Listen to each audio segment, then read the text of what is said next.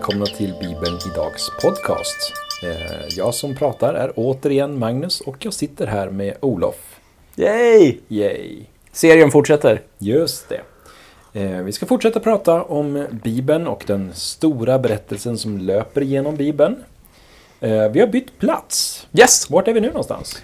Ja, nu har vi tagit oss in till stora staden Lycksele. Metropolen? Ja, alltså när folk hör det här, då är det liksom... Det är om fyra veckor eller någonting. Eh, minst, om de det släpps. Eh, vi spelar ju in hela den här serien i ett svep här nu. Just det. Eh, men vi har förflyttat oss. Sverige slog eh, Schweiz igår. Eh, och du har utav någon anledning hällt upp kaffe till mig i glas. Ja. Som vi ställer på ett glasbord. Det här är ju perfekt för... Jag ser inga problem med det. Nej, fint Magnus. oj, oj, oj.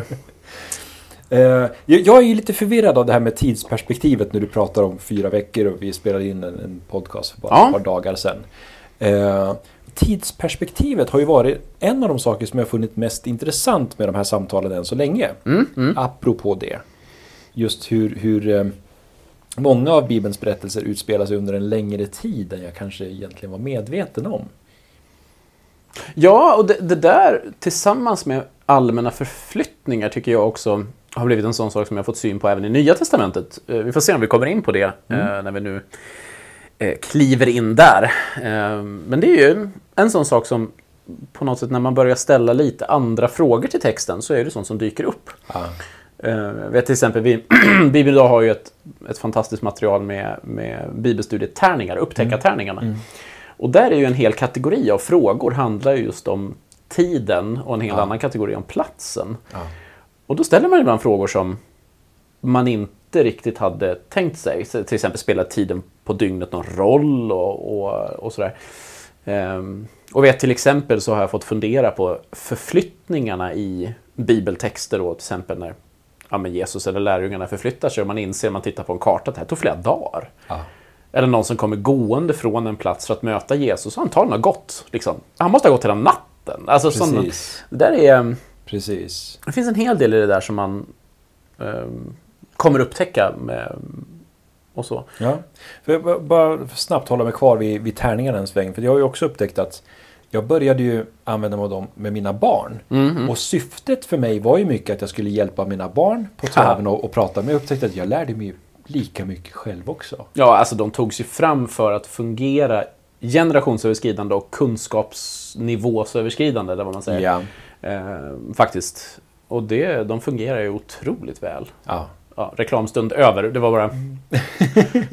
Men jag tänker, du har ju också varit på plats eh, på många av de här ställena. Ja. Eh, jag vet att du berättade en, en historia just om hur eh, alltså, du, du såg ut över en öken. Ja. Eh, och just att man ser att det är väldigt, det här- det ser jättejobbigt ut att gå här. Ja. också. Eh, jag tror att vi, vi kanske återkommer till det rent av när vi, när vi rör oss genom Nya Testamentet här. Men det, den du tänker på är just öknen mellan Jeriko och Jerusalem. Eh, som man kan stanna där om man åker buss mellan Jeriko och Jerusalem och hoppa ut i öknen där och inse att åh käre tid, här gick de hela tiden. Ja.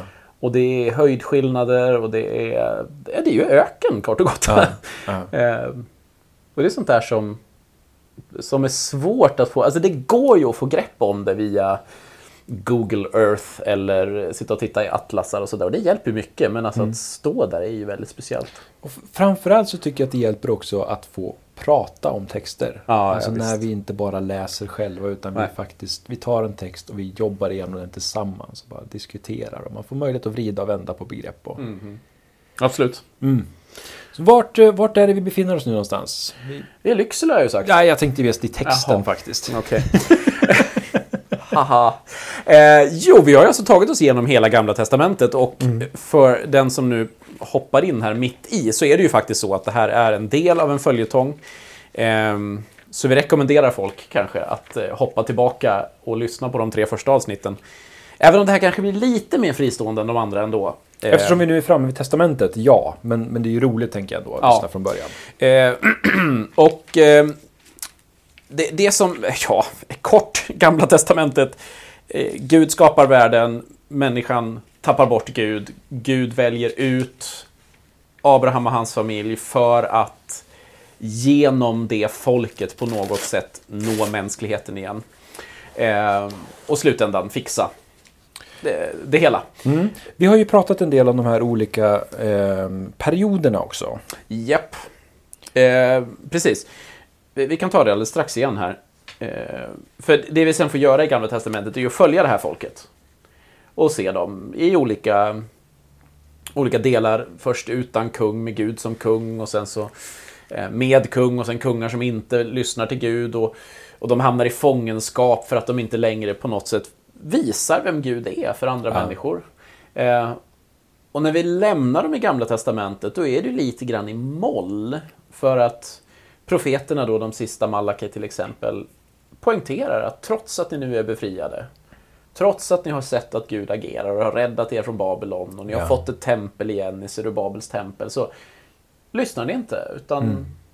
det ser mörkt ut. Nehemja slutar också i mörker i någon mån med att folket tappar bort Gud. Liksom. Jättesorgligt. Och, och samtidigt så har vi då den här balansen att profeterna hela tiden talar om löftena från Gud att det ska komma någon. Mm. Alltså Gud har en plan här, han har inte gett upp, hans löften gäller. Mm. Ehm, och där lämnade vi dem. Och de här perioderna som du nämnde, det är ju att vi har målat upp en väldigt förenklad bild såklart, men där man den, den, jag tycker att den förklarar ändå lite grann hur man ska tänka när man läser Bibeln. Att först hade vi en väldigt kort period av skapelsen där det inte finns någon ondska egentligen. Vi Mm. pratade en del om det i första avsnittet.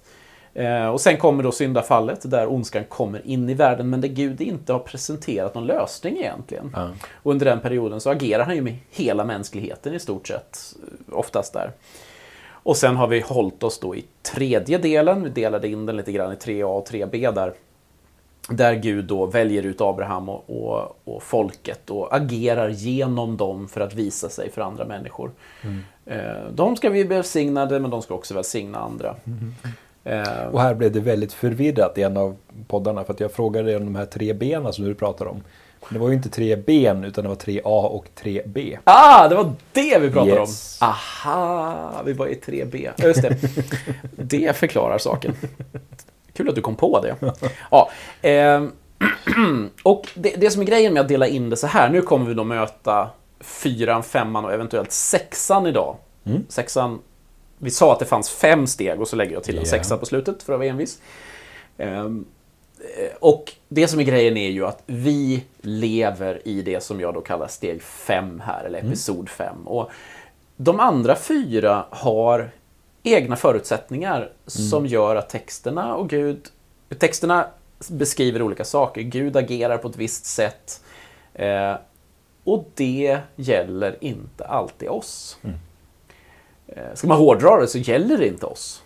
Alltså, varken du eller jag är jude till exempel. Vi var inte en del av folket. Nej, just det. Eh, Det är först vid när Jesus instiftade det nya förbundet som vi har en chans. Att, eh, men vi kan självklart lära oss en massa om Gud. Och framförallt så genom Gamla Testamentet får vi en enorm fördjupning i flera av de teman som nu dyker upp i Nya Testamentet. Som om man inte har Gamla Testamentet så blir det lite så här, ja visst, det där är ju spännande. Vi pratade om templet i förra avsnittet till exempel Ja, precis. som får så här svindelvarning. Liksom. Och Det kommer några till här nu. Ja, så där, vi är inte riktigt framme vid Nya Testamentet än dock. Mm. Men hade du något mer du tänkte på? Nej, nej, innan? nej. nej. Nej, nej, nej, nej, nej, nej. Eh, jag undrar lite grann om, om vad som händer i, i, i den här... eh, det går ju lång tid här. Ja, nu igen. Nu igen. det är lite kul, alltså vi har ju ungefär 400 år ett antal gånger. Ja. Alltså, mellan första och andra Mosebok har vi 400 år, domartiden är ungefär 400 år, delade riket är ungefär 400 år. Och nu då mellan den sista boken, sista historiska boken som är Nehemja och Nya Testamentet har vi ungefär 400 år. Ja. Och eh, 400 år, bara för att ge en sån... Alltså, när vi läser Bibeln, precis som du säger, tidsperspektiven blir lite så här galna. Så här, 400 år är ju ingenting, liksom. Men vi är ju tillbaka på så här, Vasaskeppet, stormaktstiden i Sverige. Liksom. Ja. Så det är ju det är lång tid alltså. Väldigt lång tid. Ja, kära någon. Ehm, och det som händer då är ju att eh, när vi lämnar dem så är det mediskt persiska väldet det som dominerar världen. Mm. Perserna har- ju ett av de största väldena som världen har skådat. De är i Egypten, de är hela vägen bort till Grekland, de är eh, bort till Indien. Och eh, de dominerar kulturen och området fullständigt. Eh, sen kliver ju då Alexander den store och eh, grekerna och ja, makedonierna egentligen då. Eh, det där kan man ju debattera vad man ska kalla dem. In på eh, världsscenen. Mm. Och Alexander den store lyckas ju med en av de största erövringskampanjerna någonsin egentligen. Där han då övertar det här området som vi håller oss i, men han, han slår ju mer eller mindre ut det mediskt persiska väldet Ja. helt. Och eh, Alexander den store och hans eh, då, eh, ja, folket runt honom, eh, de har ju på något sätt lärt sig av tidigare eh, stora rikens så här, krigslist och sånt. Vi pratade om det förra avsnittet, hur assyrierna försökte blanda upp folket för att slippa uppror. Babylonierna tog alla till Babylon för att få en världshuvudstad. Perserna försökte skicka hem dem och göra lydstater av dem som skulle betala dryga skatter. Så tre olika varianter. Ja, och väldigt förenklat såklart. Ja, ja, ja. Men i grova drag. Och grekerna nu då, eller makedonierna, de bestämmer sig för att om vi ska hålla som världsherravälde så måste kulturen och språket hänga med. Mm.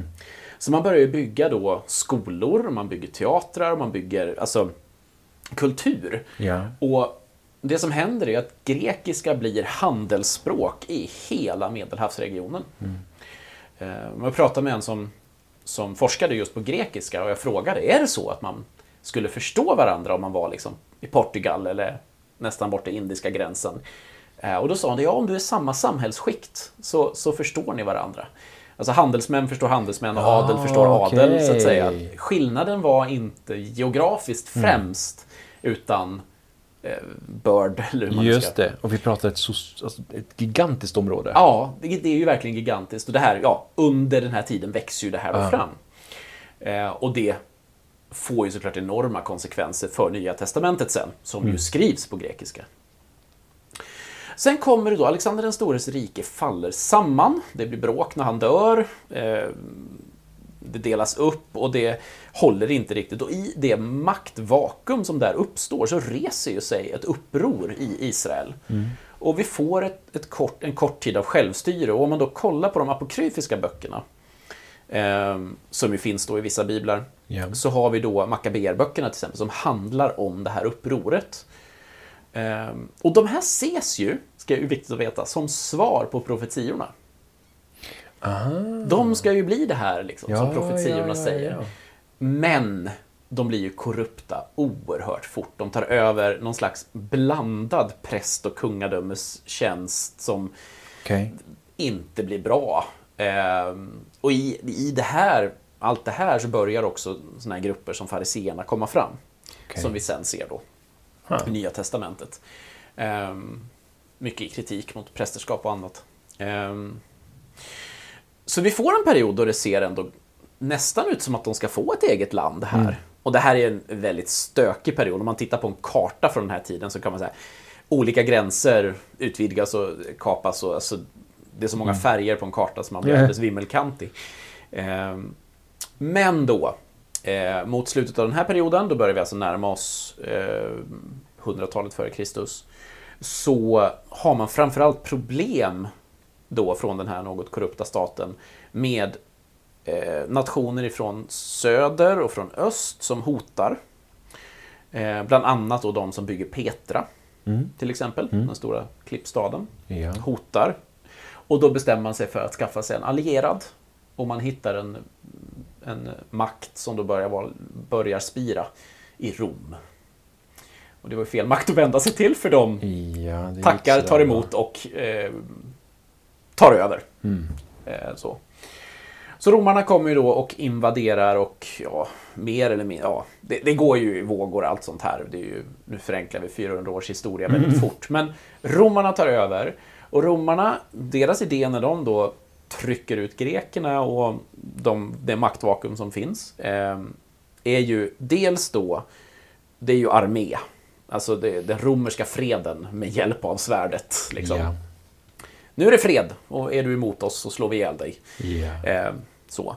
Men sen försöker de ju också ta med sig sin kultur. Och, där handlar det otroligt mycket om att, att, att en stad eller en stat som blir erövrad ska bli romersk. Man ska bygga, bygga upp staden, man ska bygga romerska vägar, det ska vara avlopp. Alltså man Ja, ja. bygger infrastruktur för också att ja, men, man hade en idé om att det är bra för dig att jag intar dig för att då får du den romerska standarden Ja.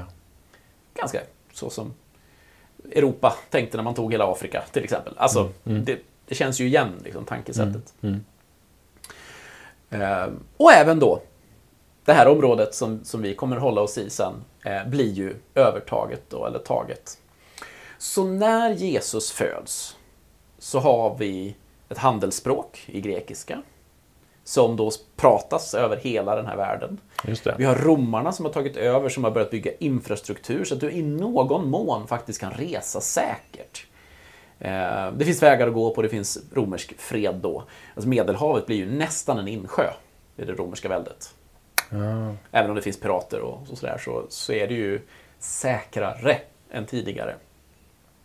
Och eh, Bibeln säger ju då i Galaterbrevet att när tiden var inne så föds Jesus. Så det, det tycks vara en mängd sådana här faktorer som på något sätt spelar in till att Gud väljer den här tidpunkten till att gå in i historien. Nu kan ordet spridas, det är något sånär lugnt, det är ett språk som går att masskommunicera på. Just det. Det finns ny teknik i form av att man inte måste ha allting på rullar längre utan man börjar göra en form av böcker. Just det. Eh, Alltså det är så Just många det. delar här som ja. faller in liksom som så. Så att hela den där historiska situationen leder ju då fram till att vi har en start där Jesus kan födas. Mm. Och, och du säger att det är något sånär lugnt, för det låter ju ändå som att det är ett, ett land med enorma spänningar. Oh ja.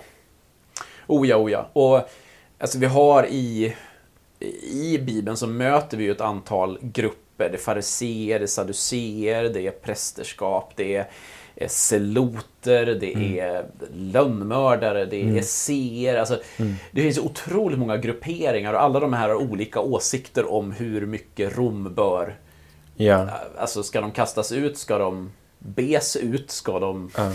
Alltså seloterna som ville ta upp svärd för att driva ut dem. Du har fariseerna som, som nog ganska mycket är i opposition mot Rom, men inte så våldsamt. Och så har du saduceerna som sitter på maktpositionerna, som säkert inte hade velat ha Rom, om man in, men så länge man har Rom så är deras maktposition intakt. Just det. Ehm, och så har vi då mer sektliknande som de som då fanns i, i Qumran där man sen hittade Döda havsrullarna på 1960-talet. Ehm, som då drar sig undan och kallar alla de andra för, för, för dåliga liksom, judar. Va? Så vi är vana att se på fariseerna som strikta. Esséerna i, i Qumran tyckte att fariseerna var rena liberala eh, så här, fegisar. Liksom. Ja. Det, det, det finns ju allt. va. Ehm, Det här innebär ju också, det är en väldigt naiv fråga, men det här innebär nu att, att nu har vi judar som kommer från alla möjliga håll. oh ja. Eh, Och det finns gott om olika sekter och tankar och sådär. Ja. Och det ser vi också. Alltså, i, I början av Apostlagärningarna så ses ju de kristna som en judisk sekt. ja. Ja, det här är judar som alla andra, men de har någon egen idé om någonting. Liksom. Mm. Och, och det finns ju en förklaring i att det finns otroligt mycket sånt redan. ja. Eh, och Det här är bara den här gruppen som följer Kristus. Ja, precis. Någon annan profet liksom. Det, vadå då? Och romarna har ju inte så mycket problem med det. Det finns ju väldigt mycket olika religioner i romarriket. Om man låter det vara så länge de inte gör uppror, så länge de inte bråkar och så länge de ser till att hålla sig väl med kejsaren. Va? Och det är där vi får problem sen då, Ja. långt fram i historien här. Hmm. Ja. Så där står vi när Jesus föds. Mm. Med en politisk situation som i någon mån passar. Med en massa löften från profeterna. Eh, som folket då bär med sig in och, och projicerar på diverse olika frälsare. Eh, och försöker se. Eh, det kommer ju både före och efter Jesus flera stycken som är tänkta att bli Messias. Men som då bara blir dödade. Liksom. Det ser vi också i Apostlagärningarna återigen. Där de säger ja, ja, ja, det här kommer dö ut. Vi har sett det här förr liksom. Han dog, de, de, de skingras snart liksom. Och det är därför de blir så förvånade när det inte skingras. När de inte ger sig. Liksom. Det är något särskilt här. Mm. Ja, Och då eh, känns det som att vi är redo att ge oss in i Nya Testamentet. lite så. Vi är där och, och tassar nu med, Ja. med Jesu födsel. Precis. Mm. Och då har vi ju då, det här tror jag väldigt många känner till, så vi kanske inte behöver borra in oss i det, men vi har ju fyra evangelier. Mm. eh, som beskriver Jesu liv. Alla evangelisterna har någon form av inriktning med vad Mm. de vill och det kan man se på en mängd olika detaljer som hur mycket eh, hur mycket de använder sig av judiska referenser för att de vill Mm. nå judar eller om de Ja. använder sig av... V- vem skriver till vem? Ja. jag, vet, jag tror inte vi ska... Det tar, det, det tar sin lilla stund att gå in på det, men eh, vi kan säga så här till att börja med i alla fall. Vi har tre stycken evangelister, de så kallade synoptikerna. Ja. Matteus, Markus och Lukas. Som alla tre tycks ha med varandra att göra. Alltså, det finns jättemycket diskussioner om det finns någon ur-evangelist som de här tre tittar på. Ja, just det. Men det finns alltså lika många pussel som det finns forskare nästan på den här punkten. Hur eh, Jonas Dagson har ju precis släppt en bok om Nya Testamentet. Mm, ja. Eh, Steg för Ja. steg genom Nya Testamentet. Ni kan köpa den av Bibeln idag om ni vill. Ehm, på vår hemsida. Eh, där går han igenom lite grann på en sida om, om just alla dessa Mm. Ja, teorier. men perfekt. Så där kan man få fördjupa sig om man vill. Mm. Eh, men det man ser är ju att de måste ha tittat på varandra i någon mån. Mm. För att de har ordagranna... Vissa saker är ordagranna lika. Ja. Liksom. Eh, och Marcus är många gånger den man säger troligtvis är äldst. Jaha, okej. Eh, och evangelierna är ju sådana att, att eh, de kopior eller de delar av texterna som vi har ligger ju ganska nära källan. Så ibland hamnar man i diskussion med eh, kanske en inte troende eller någon som tvivlar och som säger att ja, men, vi kan inte lita på evangelierna. Ja. Eh, Men om man jämför med mycket annat historiskt material så kan vi nog vara ganska säkra på att det vi har i evangelierna idag, det är nog ganska nära vad som en gång skrevs i de här böckerna. Det ligger väldigt nära, ögonvittnen lever fortfarande när de här skrivs och de kopior vi har är väldigt nära i tid eh, till när de skrevs. Vi har ju inga original. Det är väldigt viktigt att komma ihåg. Ja. Eh, men eh, det enda det betyder är ju att det vi har är troligtvis väldigt nära originalet. Precis. Sen behöver man ju ta ställning till om man tror det som står i Absolut. texten. Absolut. Men att någon hävdar att, att de här är förfalskade och att de här går inte att lita på som dokument, eh, alltså att de är långt ifrån originalet, det är Mm. Ja. ganska befängt att hävda egentligen. Ja. Du nämnde ju Alexander den store, som, där vi vet nästan ingenting i jämförelse. Det finns några Nej, och få källor bara. Ja, få källor och väldigt långt. Alltså kopian vi har Mm. Är ju otroligt mycket nyare Ja. än originalet. Precis. Så att om man, det kan ju såklart ha hänt jättemycket Mm. här. Och det är ju roligt med, vi nämnde Döda havsrullarna och Qumran. Alltså, eh, det är ju, Bibelsällskapet har ju precis gett ut Döda havsrullarna i svensk översättning. Och det är egentligen allt utom bibeltexten, för den Mm. Precis. Ja, Den, den, den har vi. i den har vi i Bibeln. Va? Eh, men det som hände där var ju också att, att just den här, man hoppade tusen år närmare originalen. Precis. Man har ju inte originalen av Gamla Testamentet. Men istället för att ha som äldsta kopia tusen år före så gick Mm. vi, eller tusen år efter på tusentalet, till hundra före nästan. Ja. Kristus då. Så här, här finns det jättemycket spännande, vi ska inte fördjupa oss i det. Det är en del av det, om man just tycker det här med evangelierna är fascinerande, så finns det en gammal podd med Stefan Gustafsson som pratar om evangeliernas trovärdighet och eh, lite grann vilken genre evangelierna har och hur det funkar. Eh, så ska vi inte borra ner oss för mycket i det. Men jag, jag brukar tänka på evangelierna så här. Eh, att eh, de är fyra personer. Nu är det ju fotbollstider. Nu Ja. får ni överleva en fotbollsreferens. eh, det är ungefär som om du tar fyra personer. Eh, Djurgården ska spela mot AIK. Eh, och eh, du har en Djurgårdssupporter, du har en AIK-supporter som står i varsin hejaklack. Du har en person som har blivit ditbjuden som aldrig har gått på en fotbollsmatch. Och så har du en person som ska sälja korv. Eh, alla fyra är på samma match. Efteråt så frågar lokaltidningen de här fyra, kan du Ah. beskriva vad som har hänt i matchen? Ja. Alla fyra kommer antagligen ha med samma mål. De kommer ha lite olika åsikter om den där straffen i första halvlek, beroende på vilken sida du stod på stå- läktaren. Den som satt och var eh, där för första gången kanske fascinerades oerhört mycket av, av stämningen runt omkring och lyfter detaljer som de som står på ståläktaren och gått på 100 matcher inte reagerar på.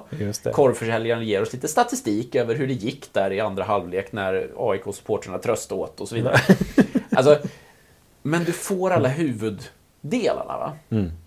Och det är ju lite det vi har i evangelierna, att, att alla skriver utifrån vem de skriver till.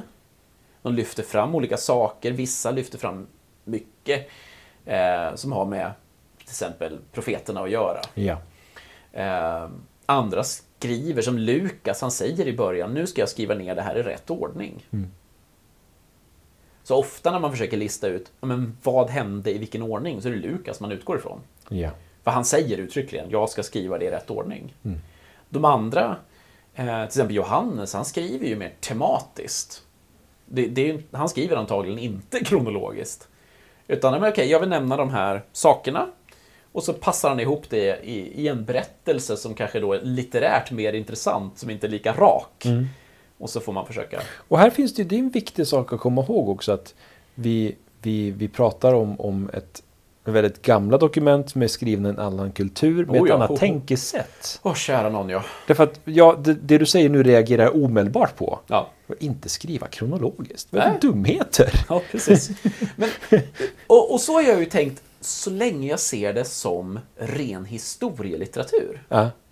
Ja, det kan man ju som sagt lyssna på podden vi hade med Stefan Gustafsson där man pratar om det här. Att, att- men det är inte historia på det sättet vi tänker Mm, historia. precis. Men jag läste ju Paul Austers självbiografi här för ett tag sedan. Ja. Och den är inte kronologisk för fem öre. Handlar den om riktiga berättelser? Ja. Mm.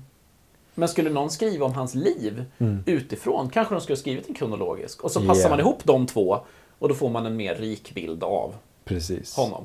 Ehm, och, och ungefär så är det ju här. Liksom. Och så finns det ett antal ställen som man kan ha skojigt och försöka debattera och försöka få ihop.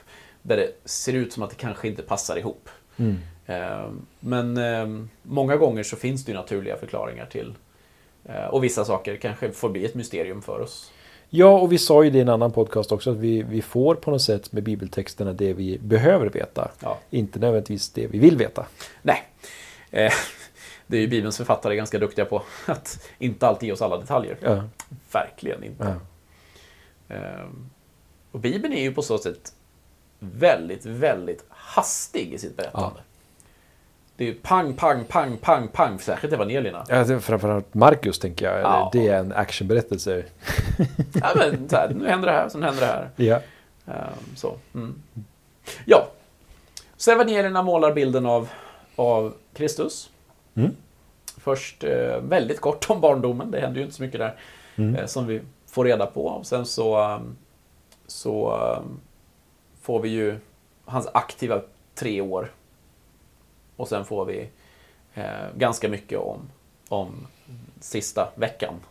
Och så döden Ja. och uppståndelsen. Det är Ja. liksom, och, och här tycker jag ibland att, man, att det finns två gropar att fastna i när det gäller evangelierna. Okej. Eh, och den ena gropen är lite grann att, eh, att evangelierna är, är berättelsen om Jesu död och uppståndelse med lite introduktionskapitel. Ja, just det. Okej. Det vill säga Jesu aktiva tid är inte så, så Mm. viktig liksom. Utan det, det är ju att han dog och uppstod som är det viktiga. Mm. Punkt. Eller så står du i diket. Ah, tråkigt att han dog alltså. Alltså det här med hans undervisning under tre år. Tänk om han hade fått utveckla det i fem år till. Gjorde så mycket bra saker. Ja, precis. Och jag skulle säga att båda de två missar skulle, helheten. Ja. Jag tror ju att vi behöver få ihop lite mer av Ja, men ja, döden och uppståndelsen är superviktig. Men allt det han gick och sa under tre år där är Mm. också superviktigt. Ja. Liksom. Ehm, och det beror lite på vilken teologisk skola vi, vi är i. Men jag tror att om man nu sitter och känner att man är i ena eller andra diket här och tycker att jag petar lite på en så vill jag utmana dig som lyssnar att, att ja, men fundera på att läsa de delarna som du kanske inte har fokuserat på tidigare. Mm. Och se vad, Mm. vad gör det här med din bild av Jesus och vad, vad säger han till dig när du läser det? Ehm, Just det. för att jag tror att båda delarna är väldigt viktiga. Och där kan ju den klassiska trosbekännelsen, apostoliska, som läses i Mm. framförallt Svenska kyrkan, nästan varje söndag, lura oss lite grann. På vilket sätt? För den hoppar ju över Jesu aktiva tid. Ja, just det. Den går ju ifrån eh, alltså att han föds Ja, till Pontius Pilatus. ja. Och det man behöver förstå med trosbekännelserna är ju att de skrivs egentligen inte för att sammanfatta tron. De skrivs ju för att, vad ska jag säga, sätta ett staket runt tron gen- gentemot de ja, heresier, gentemot de villoläror som spreds under 2, 3, 400-talet. Men man definierar kristendomen. Man definierar, det här är det för att säga det här är det inte. Ja. Egentligen sammanfattar man inte tron, så man ska ju inte ta trosbekännelse och säga det här är en sammanfattning av kristen tro. Då hamnar man lätt vid död och uppståndelse bara. ja, Och så allt annat är meningslöst. Eh, så. precis. Så där är verkligen en utmaning jag vill ge den som sitter och funderar över evangelierna att, att läs dem i helhet. Mm. För att det finns så mycket där att se. Ehm, sen är ju det här med alltså en sån sak som, som jag fascineras jättemycket av just nu, det är ju förflyttningar, tidsförskjutelser. För att eh, det här med att det är skrivet i, i en helt annan tid, det kan vara svårt för en vanlig människa att Alltså vanlig människa, någon som inte har fem års teologi eller tio års teologi. Som jag. Eh, eller som jag. Eh, det kan vara väldigt svårt att se. Men Det kan man få syn på genom att läsa kommentarer eller prata med någon som är jätteduktig. Eh, Men det här med att se tidsförflyttningar, det kan vem som helst göra. Men här finns någonting, här är någonting som kan vara viktigt att fundera på det. Ja, men som en sån sak, att de går från Jeriko till Jerusalem. Det är nästan tusen höjdmeter i skillnad. Det är rena bergsklättringen genom öken. Eh, det är en sandöken liksom, som man går igenom och det, det var stökigt och det var inte he- helt säkert alla gånger. Eh, och här går de upp och ner hela tiden och det är hett. Eh, det finns en massa sådana saker som... Så när man, när man ja just det. Och så, för, för mig blir ju berättelsen så otroligt levande. Man säger okej, som du säger, Marcus, actionberättelse, pang, pang, pang, pang, pang. Och så plötsligt så ser man att mellan ett kapitel till ett annat så är det en lucka. Ja, de, nu är de i Jeriko, nu är de i Jerusalem. De har så gått här emellan. Vad pratar de om då? Vad, Just vad, vad sov de? Vad åt de? Vad tänkte de? Gick de och småpratade med Jesus hela tiden? Eller vad eh, Och då plötsligt kan man se, eller så här reagera på, men det är inte så konstigt att den här frågan kommer. Då har någonting gått och liksom grott i huvudet på någon av lärjungarna under Precis. ett par dagar där. Och så. Ja. Eh, Jag tänkte på det där med, med just förståelse av, av kulturen. Det finns ju jättemycket att läsa. N.T. Wright är ju jätteintressant där till exempel. Ehm, men du har ju fått in en, en eh, bok i biblioteken också ganska nyligen. Ehm, eller ja, det är ju en gammal bok, men vad den heter? Ehm, grön bok, hjälp mig. Grön bok. Ja, Eh, glasögon. Ja. ehm, det, Glasögon, med väst, nej, västerländska glasögon. Vad heter den? Har du den inte här någonstans till och med? I bilen. I bilen. Och det, det där kan man ju få hjälp. Alltså, läsa en sån bok till exempel. Ger ju en förståelse för, okej, jag kan inte förstå allting. Ja. Jag behöver ibland. Men, men det är också samtidigt så vill jag varna li- lite grann. Varna, men jag tycker det är viktigt med balansen här. Och det är samma, vi pratar lite grann om det, någon av de andra här, att du kan alltid sätta dig ner och läsa din bibel utan doktorsgrad. Ja, ja, ja. Ja, absolut. Jag, jag tror på det fullt ut. Och jag tror att vi kan få ut mycket. Gud kan hjälpa oss. Läs aldrig din bibel ensam, som jag brukar säga. Ehm, och samtidigt, om du bestämmer dig för att du ska predika, så att säga, eller om, om, om du känner att det här blir otroligt centralt för dig, då är det dags att kanske lyfta fram en kommentar, prata med någon, läsa flera bibelöversättningar. Just. Ehm, För, för att vi behöver ha en, en, en så här, det går alltid att läsa, läsa Bibeln och, Ja. och Gud kan tala till dig. Ja. För det blir så lätt när vi sitter och pratar om oh, du måste läsa den här boken för att förstå någonting alls. Men det är ju inte så. Ehm, du kan fortfarande läsa Marcus evangeliet korthugget och få ut jättemycket. Absolut. Men det finns sådana djup att se. Ja. Ja. Eh, visst var det så. Du pratade i en av de tidiga avsnitten här om, om vilken bibel man skulle välja. Eller är det ett samtal du och jag haft privat? Ja, oh, jag vet inte. Hur Ehm, som helst, så alltså, ja, men du, du nämnde någonting här om att, att eh, alltså, man ska läsa en bibel som man känner sig bekväm med och som man kommer att läsa. Ja, det är ju mitt standardtips när folk frågar mig vilken Ah. bibel ska jag välja. Ja, för jag fick nämligen den frågan idag av en person som jag inte känner. Ja. Jag körde precis på den. Du ska läsa den som du trivs med och som, Ja. som du kommer att använda dig av. Ja, men ibland får jag frågan för att ja, men nu har det kommit en ny översättning. Måste jag byta? Nej, läs ditt hjärtas bibel. Ja. Eh, det kan vara 1917, det kan vara Gertz, det kan vara... Alltså, det är inte det som är grejen, men ska du börja göra teologi, ska du börja liksom hårdstudera någonting, ska en vers bli väldigt viktig för dig, Ja. ja, men slå upp den i ett par biblar då. Och se, finns det en svår översättning i botten här? För står det olika på flera ställen, ja då är det antagligen inte helt lätt översatt. Precis. Eh, det finns ju roliga exempel. Det finns ju sådana här eh, biblar med både sex och åtta översättningar bredvid varandra. Ja. Och ibland så ser man att åtta översättningar, ingen av dem använder samma översättning. Ja. Det är inte alltid självklart. Alltså, i Gamla Testamentet finns det ord som bara finns på ett ställe i världslitteraturen. Ja. Och det är Gamla Testamentet. det går ju liksom inte att översätta. Och här hjälpte ju eh, Döda havsrullarna enormt mycket. Ja, där de kom ja, ja Man precis. fick en annan ordförståelse. Och, Och man mer. fick en del ord som man plötsligt fick på fler ställen. Liksom. Ja, Precis. absolut. Eh, Kan vi kort reklampaus? Oh, nu, nu tar vi reklampaus. Ni som inte vill lyssna på reklamen, ni kan gå och göra kaffe. Nej. inte så långt. Nej, nej, nej, nej, nej, okej. Det är inte TV4. vi nämnde utan eh, västerländska glasögon. Japp. Jag Mm. måste bara poängtera att den finns i bibelbutiken till ett kanonpris. Yes. Vi säljer den för 99 kronor. Mm. Eh, jag tror att Adlibris står runt 299 eller något sånt. Ah, shh, shh. Ja. Eh, och dessutom kan man väl få den om man blir medlem, va? Hej! Man kan ju bli medlem i Svenska Bibelsällskapet och få en bok. Just det, då kan ni få den. Eh, blir det och stöd till exempel arbetet med Bibeläventyret som vi pratade om med Andreas Hultsten för några poddar sedan. Precis. Aha. Ett medlemskap kostar 200 kronor om året. Då får man bland annat tidningen Bibel fyra gånger per år också.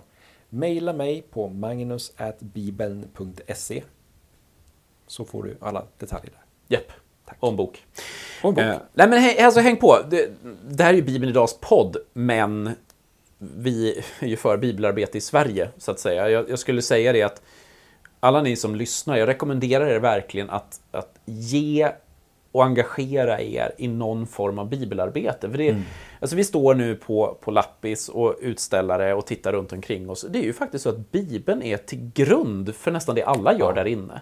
Ja. Så även om du kanske inte är bekväm med just Bibelsällskapet, ja men stöd Bibeln idag då, eller stöd Folk och språk. Eller nå- alltså, Ja. lägg en del av ditt givande på att hjälpa bibelorganisationer.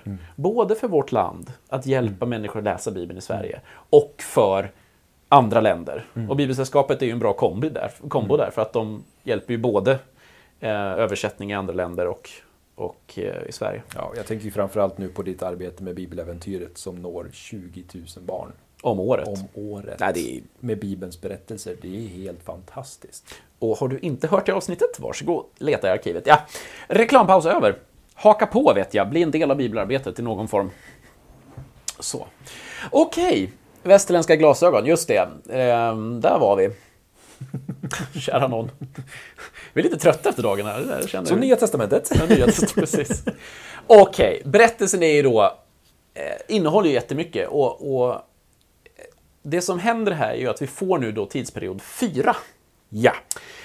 Och det är ju då Jesu aktiva tid. Gud kommer till jorden. Gud kommer till jorden, nu blir någonting radikalt annorlunda. Eh, Men vi är fortfarande inte i vår tid. Och det gör ju att mycket av det vi läser i den här delen då under Jesu aktiva tid gäller oss. Det är undervisning till oss. Det är genom det som vi tolkar Gamla Testamentet till stor del. Ja. Men allt av det gäller inte oss, fortfarande. Och Och det här var lättare för mig att, att förstå när vi pratar om Gamla Testamentet. ja, Men nu blir det lite Ja, knepigare. och det jättelätta exemplet som jag tog i någon av de tidigare poddarna är ju Jesus säger berätta inte för någon. Ja, just det. Den är självklar för oss. Nej men okej, det, det gäller ju faktiskt inte oss.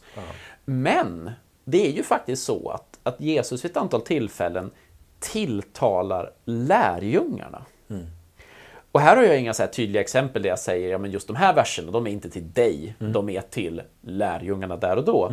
Men det är ändå en viktig sak som vi behöver liksom fundera på. Eh, Alltså, I Jesu förbön i Johannes evangeliet så delar han tydligt in dem i tre grupper. Det är lärjungarna, det övriga kristna och det resten av världen. Och ja, jag vet inte riktigt vad man i det långa loppet ska göra med just det exemplet egentligen. Men, men, här, vi behöver ändå komma ihåg när vi läser att det är inte så enkelt att varje mening är direkt applicerbar på mig i min nuvarande situation. Just det. Eh, Men som vanligt, Gud kan säga massa saker till dig genom din läsning. Så, så att, eh, ja, det är en dubbel.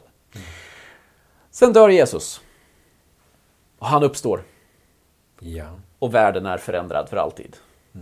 Så pass att Johannes evangeliet gör en jätterolig grej. Där de, alltså, eh, Johannes evangeliets författare hintar åt i kapitel 20, tror jag det är, att här är en ny skapelse. Alltså det här är den första dagen. Okej. Alltså precis med orden från skapelseberättelsen. Liksom. Det är lite kul, vilken dag skapas människan? Dag sex. Ja, precis. Ehm, dag sex så står Jesus vid Pilatus och de säger se människan. Vad gör Jesus på lördagen? Ö, Jag vet inte. Han är död. Han är död. Jesus ligger i graven. Eh, Vad gör Gud i den dagen i skapelsen? Han vilar. Ah, och så kommer söndagen då som den första Åh, dagen i veckan. aldrig tänkt på. Som den första dagen i veckan i den nya förnyade skapelsen. Här har hänt någonting. Intressant. Johannes leker med dem. Jätteroligt. Eh, det är kul. Eh, och här då eh, har Jesus en period eh, av 40 dagar där han visar sig för sina lärjungar och, och sen så himmelsfärden då löftena om att anden kommer så är vi framme vid pingst. Ja. Och då kliver vi in i apostlagärningarna och kyrkans födelse. Och där börjar femman. Det vill säga med pingst. Ja. Är kyrkans födelse. Nu har anden kommit. Det här är under de förutsättningar som vi lever. Nu är vi inne i våran period. Alltså. Nu är vi inne i våran period. Den är 2000 år gammal nu. Ah. Men det är fortfarande våran period. Ah. Och därför skulle jag också säga att nu börjar det bränna till. Det när vi läser nu, som texterna på ett mycket... Alltså, det som kommer här efteråt, brevtexterna, Uppenbarelseboken, Apostlagärningarna. Här gäller det oss. Här, är, här, är, här blir det ännu skarpare.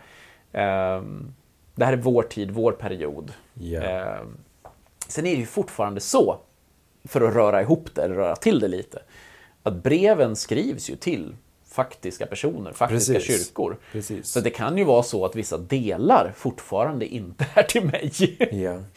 Ehm, för att göra det uppenbart. Paulus säger vid ett antal tillfällen hälsa till den där och den där och den där och den där.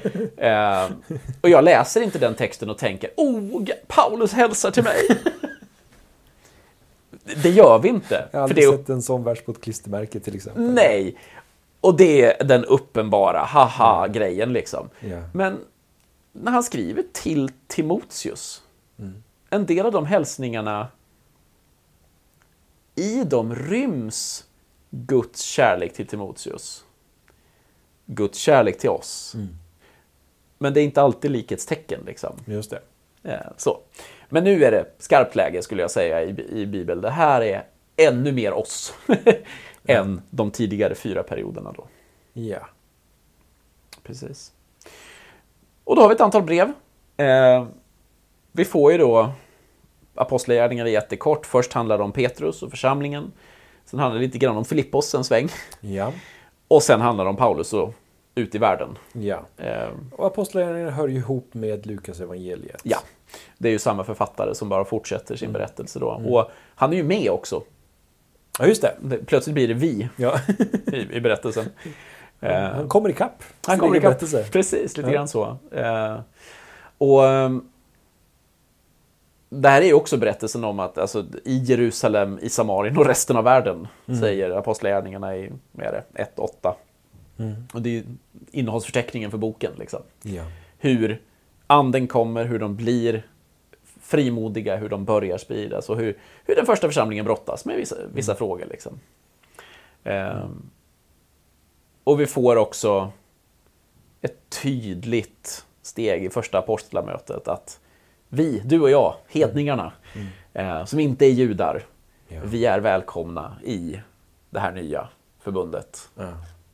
Utan att behöva omskäras eller eh, allt annat som ingick. Liksom. Precis. Och det är otroligt viktiga beslut liksom, som gör att kristendomen öppnar sig för hela världen plötsligt. Och i den rörelsen är vi fortfarande. Jag menar, missionsorganisationerna som står här på Lappis är fortfarande i målet att få ut kristendomen till hela världen. Bibelsällskapets översättningsarbete är fortfarande arbetet att sprida budskapet till språk som än så länge inte har det. Precis. Ehm, Det är liksom den rörelsen som fortsätter då. Ehm, Och här kan vi också se eh, hur... Eh, vi kan ta ett, ett roligt exempel. Eh, hur, hur man börjar använda Gamla Testamentet på ett nytt sätt. Ehm, vi kan hoppa till Apostlagärningarna. Okej. En klassisk berättelse. Säger man alltid när man ska slå upp någonting i Bibeln, eller hur? Nu ska vi ta en oklassisk berättelse. När hörde du den senast? Vi har, jag sa att eh, mellanperioden i eh, Apostlagärningarna innehöll eh, Filippos. Ja. Mm, du, du minns detta. Ehm, och då ska vi alltså fram till och med, vad har vi den vännen här nu då? Eh, Jag som inte hittar i Apostlagärningarna längre. Jag måste vara för långt fram. Eh, Ja, det. Det var inget. Jag måste tillbaka. Ehm, Visst är det bra med Bibelprassel i podden? Här. Kapitel 8, vers 26. Bara som ett exempel på hur skriften och hur Bibeln används av de första kristna och därmed också en, en, en utmaning till oss hur man kan tänka. Där är det den etiopiska hovmannen som har varit i Jerusalem. Han är hovenuck. Han är alltså kastrerad. Ja. Ehm, Han pratar med rolig röst. Ja, precis. Eh, han har varit i Jerusalem för att tillbe. Står det i vers 27. Eh, men han har alltså inte fått komma in. Han har inte ens fått komma i närheten av templet. Ja. För som kastrerad får du, det, det, glöm det liksom. Du, du får inte ens vara i närheten. Och nu sitter han då och läser Jesaja på vägen hem. Eh, och Filippos går fram, skyndar sig fram där. Eh, och så frågar han, förstår du vad du läser? Eh, och han svarar, hovenucken, hur skulle jag kunna det utan att någon vägleder mig? Och han bad Filippos stiga upp och sitta där bredvid honom. Skriftstället som han läste var detta. Och så får vi ett citat. Eh, och det citatet är från Jesaja 53. Eh, och så sitter de där och diskuterar. Vad betyder det här för mig? Ja. Och, och det Filippos gör här, det är att han kopplar det här till Jesus. Just det. Det är Jesus som är i centrum hela tiden. Det är egentligen inte en kulturförståelse han jagar. Utan han, han, han letar efter kopplingar till Jesus. Ja. Och här tror jag att vi har en, en, en nyckel till hur vi kan läsa Gamla Testamentet idag. Vi ska inte läsa Jesus på varje rad. Men det är saker som på något sätt belyser och som lyfts upp i Nya Testamentet. Eh, och en jättespännande fråga här är ju, hur långt läste de? Kan vi veta det? Nej, det vet vi inte. Det står ju bara i 34. Hovmannen frågade Filippos, Säg mig vem talar profeten om? Säg själv eller någon annan. Filippos tog då till orda och med skriftstället som utgångspunkt förkunnade han budskapet om Jesus för honom. Och så färdas de längs vägen och sen vill han döpas. Ja. Här finns det en tidsförskjutelse, tid igen. Hur länge håller de på? Om vi hoppar, ni som sitter med en bibel i famnen, nu ska ni få ha kul. Slå upp Jesaja 53. Backar vi här. Backar vi här, ja, vi letar reda på Jesaja. 53 var det va? 53. Ehm. Mm. Så frågan är hur långt läser de? Kan det vara så att de hann hela vägen till kapitel 56? För vad händer i 56? Jo, då i Bibel 2000 så är överskriften Herrens tempel är öppet för alla. Det här är en framtidsbeskrivning av Jesaja. Det Herrens tempel ska öppnas för alla. Det här är någonting som inte har skett än i Jesaja. Precis. Och vad är det då som står? Och nu tänker vi oss här. Hovmannen är nucken. Han har varit i Jerusalem. Han har velat tillbe Gud. Han har inte fått komma in. Han har inte fått komma i närheten. Han sitter knäckt i sin vagn på väg tillbaka. Och så läser de Jesaja. Och så säger Herren i vers 4. Snöpta som iakttar mina sabbater, som gärna gör min vilja och håller fast vid mina förbund, de ska i mitt hus, inom mina murar, få ett namn, ett äreminne som är bättre än söner och döttrar. Ett evigt oförgängligt namn ska jag ge dem. Wow. Alltså, allt Filippos behöver göra är att säga det här har hänt. Se här. Och så visa på hur Jesus nu har gett det här. Och tänk vilken kraft det måste ha legat i det här om de kom hit. Filippos kanske nöjde sig med 53, man kan göra rätt mycket predikningar från 53 också. Men, men alltså det finns ju så mycket sånt här som, som, som kopplar vidare. Va?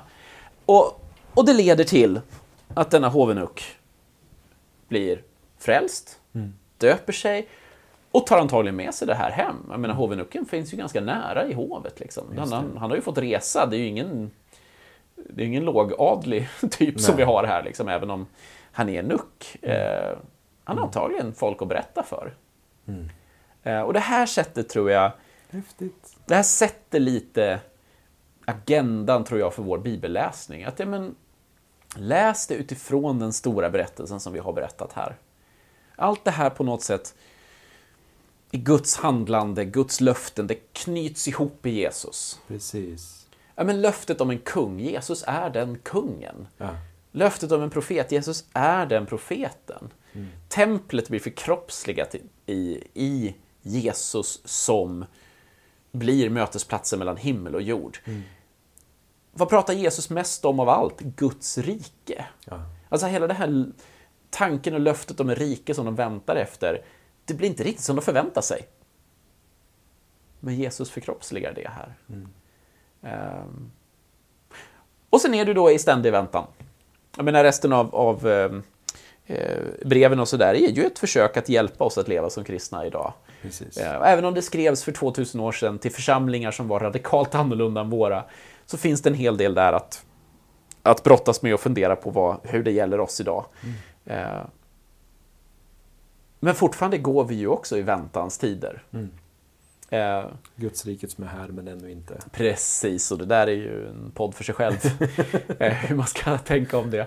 Eh, Och sen har vi apostlar, vill säga, uppenbarelseboken i slutet som då ger hintar om hur det ska sluta.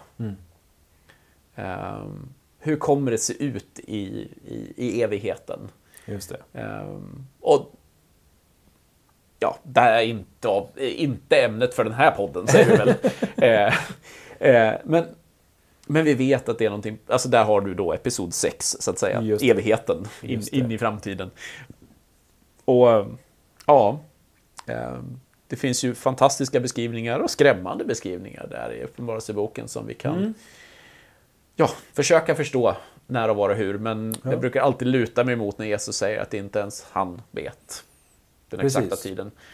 Ehm, Jag eh, pratade med min mamma en gång. Ehm, hon är ju en sån, alltså hon läser ju Bibeln från perm till perm och börjar om. Alltså Ja. hon har Mm. läst Bibeln hela, hela sitt liv egentligen. Ja. Eh, och hon uttryckte ungefär som att jag blir alltid så rädd när jag kommer till Uppenbarelseboken. ja, just det. Mm. Hur kan man tänka där? Vi pratade om tonläge i en av de tidigare poddarna. Ja. Det är en grej. Är Gud arg? Mm. Eller vad, vad, vad är det för Gud jag ser framför mig? Alltså när man blir rädd in i, i Uppenbarelseboken så finns det oftast en, en del i mig som kanske läser in saker som inte alltid Ja. står. Det är en del. Den andra delen är ju, är ju, Gud har ju väldigt tydliga löften här. Alltså, vi behöver inte vara rädda. Eh, men Bibeln är ju också tydlig på att det kommer lidande. Men han är med. Alltså, så, så är man rädd för att ens tillvaro kanske inte alltid kommer vara som den är just nu. Om det skrämmer en, ja men då kanske det är någonting som behöver skrämma en lite. För att Bibeln lovar inte oss ständig lycka. Ehm, Men behöver jag vara rädd på djupet, så att säga? ja. Nej, det behöver vi inte, för Gud ger oss enorma löften. Jag brukar tänka på att, eh, att eh, alltså, det poängteras om och om igen. eh, Gud som sitter på tronen. Ja, alltså, oh ja. Gud som har kontroll. Absolut. Eh, Och det tycker jag är trösterikt. Ja. Och, och, och mycket av det vi ser i Uppenbarelseboken är ju ett bildspråk för att på något sätt beskriva just den maktbalansen. Mm. Eh, med himmelska herrar och annat. Eh, och och ja, exakt hur hästarna kommer att materialiseras kan man ju... Jag, har, jag vet ju att det finns både beskrivningar när man försöker skriva romaner där hästarna verkligen kommer ridande och folk ser dem. Eh, och hela vägen bort. Eh, så, ja. Vi får, den som lever får se. eh, lite så. Eh, Ja, jag, ska, Ja. jag ska inte ge mig in i, i de mer bisarra exemplen jag har hört på i, från Nej. talarstolen. men så här, vad det gäller nu hela den här serien egentligen, för nu är vi i mål. Mm. Eh, vi har målat en, en stor med breda penseldrag. Vi har haft rollern framme och sagt titta här nu, här har ni den stora bilden. Och det är just den här stora bilden jag tror att vi ibland behöver se för att sen kunna gå ner i detaljerna. Just det. För att då ser vi vad vi hänger upp detaljerna på. Var, var hör de hemma? Mm. Kan, kan den här stora bilden stämma? Liksom? Och då, nu ser vi det, är en framåtskridande berättelse, den har ett mål. Ehm, för, förutsättningarna förändras, vi är i episod 5. Episod Star Wars, hör jag, hör jag i mitt huvud. Du är ganska trött nu va? Ja, precis. Men, men här är ju också en viktig grej. Men okej, vi hör hemma i femman. Ja. Men hur ska jag leva mitt liv i det här då? Det är en bra fråga. Och jag tror att det är Wright, N.T. Wright, eh, som använder sig av bilden av improvisation. Eh, vi, ska, vi spelar en roll. Vi är en del av Guds stora plan. Mm. Men han ger oss inte ett, ett exakt manuskript på hur vi ska göra. Han ger oss en massa ledtrådar. Ja. Och så säger han, varsågod, du får ansvar, du får förtroende, improvisera nu din roll här. Okej. Men då gör han väldigt tydligt också när han säger så, att improvisation innebär ju inte gör vad du vill. Och så tar han jazzmusikern som exempel. En jazzmusiker som står tillsammans på scen med sina, vi har en trummis, vi har en basist, vi har en saxofon, vi har en trumpet, jag vet inte vad du brukar ha. Eh, och så ska du spela trumpeten, Magnus. Då måste du ju lyssna till de andra. Just det. Du måste spela i något sån här samma tonart, tempo. Eh, alltså, all- det är massa saker Ja, som du det- måste lyssna in. Det är en väldigt bra bild faktiskt. Eh, och, och, och så är det att leva som kristen Okej. i gen, samklang, heter det, med andra kristna. Just det. Och att försöka leva med det här målet i sikte. Det är en väldigt bra bild. Det innebär så att jag kan göra jag har enorma friheter inom så tillvida att jag, jag behöver se vad jag har runt omkring mig i, i kristna sammanhang och, och Ja, jag, Ja. Får, jag får grunna lite på den där bilden. Ja, du kan bra. spela solo. Ehm, men ska det bli ljuv, Emellanåt. ja, men ska det bli ljuv musik Mm. så handlar det om att göra det här tillsammans. Just det. Och det är då vi får visa Guds rike för andra människor. Ja. Det är då vi på något sätt blir svaret på Abrahams kallelse att bli till välsignelse för andra. Mm. Ehm, och då blir vi också mycket starkare, mycket mäktigare än om du bara har en ensam trumpet på en scen. Ja. Ehm, Wow. ja, du kan få en symfoniorkester om du har en stor församling. Ehm, ja, men, men vi har ju olika förutsättningar. Som sagt, Ja, det finns och- stora band och det finns små band. Ja, och det handlar ju egentligen inte om storleken på bandet. Det är ju inte det som är poängen i bilden. Alltså alla bilder är bristfälliga. Det är inte det jag försöker säga. Nej, jag förstår. Just den tanken, hur får jag plats i det här? Ja. Och så kan man prata om gåvor. Du fick en trumpet, jag kanske är trummis. Alltså, ja. vi kan utveckla bilden lite om vi vill, men vi behöver inte vandra så mycket vidare på den. Eh, Men det, det, jag tror att den är viktig för att se, okej, här är vi, jag lever i den här tiden, jag har de här instrumenten och nu improviserar jag med roll. Men det gör jag tillsammans med andra. ja. Ja, Det tycker jag är ett utmärkt ställe att, eh, att avrunda det här på. Eh, Stort tack Olof. Det har varit otroligt intressant att, få lyssna till din ljuva stämma. eh, Under ett antal timmar nu. Som det har tagit att ja gå jo, igenom jo, det här. precis. Ja. Jag hoppas att, att ni där ute har tyckt att det har varit lika intressant som jag tycker. Och som sagt, som vi inbjöd till första avsnittet, är det någonting ni vill ha fördjupning på, så hör av er. Antingen så ger vi den eller så troligtvis så hittar vi någon annan som kan mer. Eh, är det någon del ni tycker att vi, det här skulle ju ni kunna prata om? Eller bara allmän feedback. Vad tyckte ni om det här sättet när det bara är vi två? Eh, när jag blev gästen plötsligt. vi har ju någon annan sån där som vi har funderat på, så att vi får väl se vad feedbacken blir innan vi spelar vidare. Och så önskar jag er en fantastisk sommar och så ser vi fram emot en eh, härlig höst med nya, nya poddavsnitt. När det här sänds så vet vi hur det gick i kvartsfinalen också. Semifinalen och finalen också. Dessutom. Precis. Spännande. Mm. Tack för att ni har lyssnat. Tack. Hej då! Hej!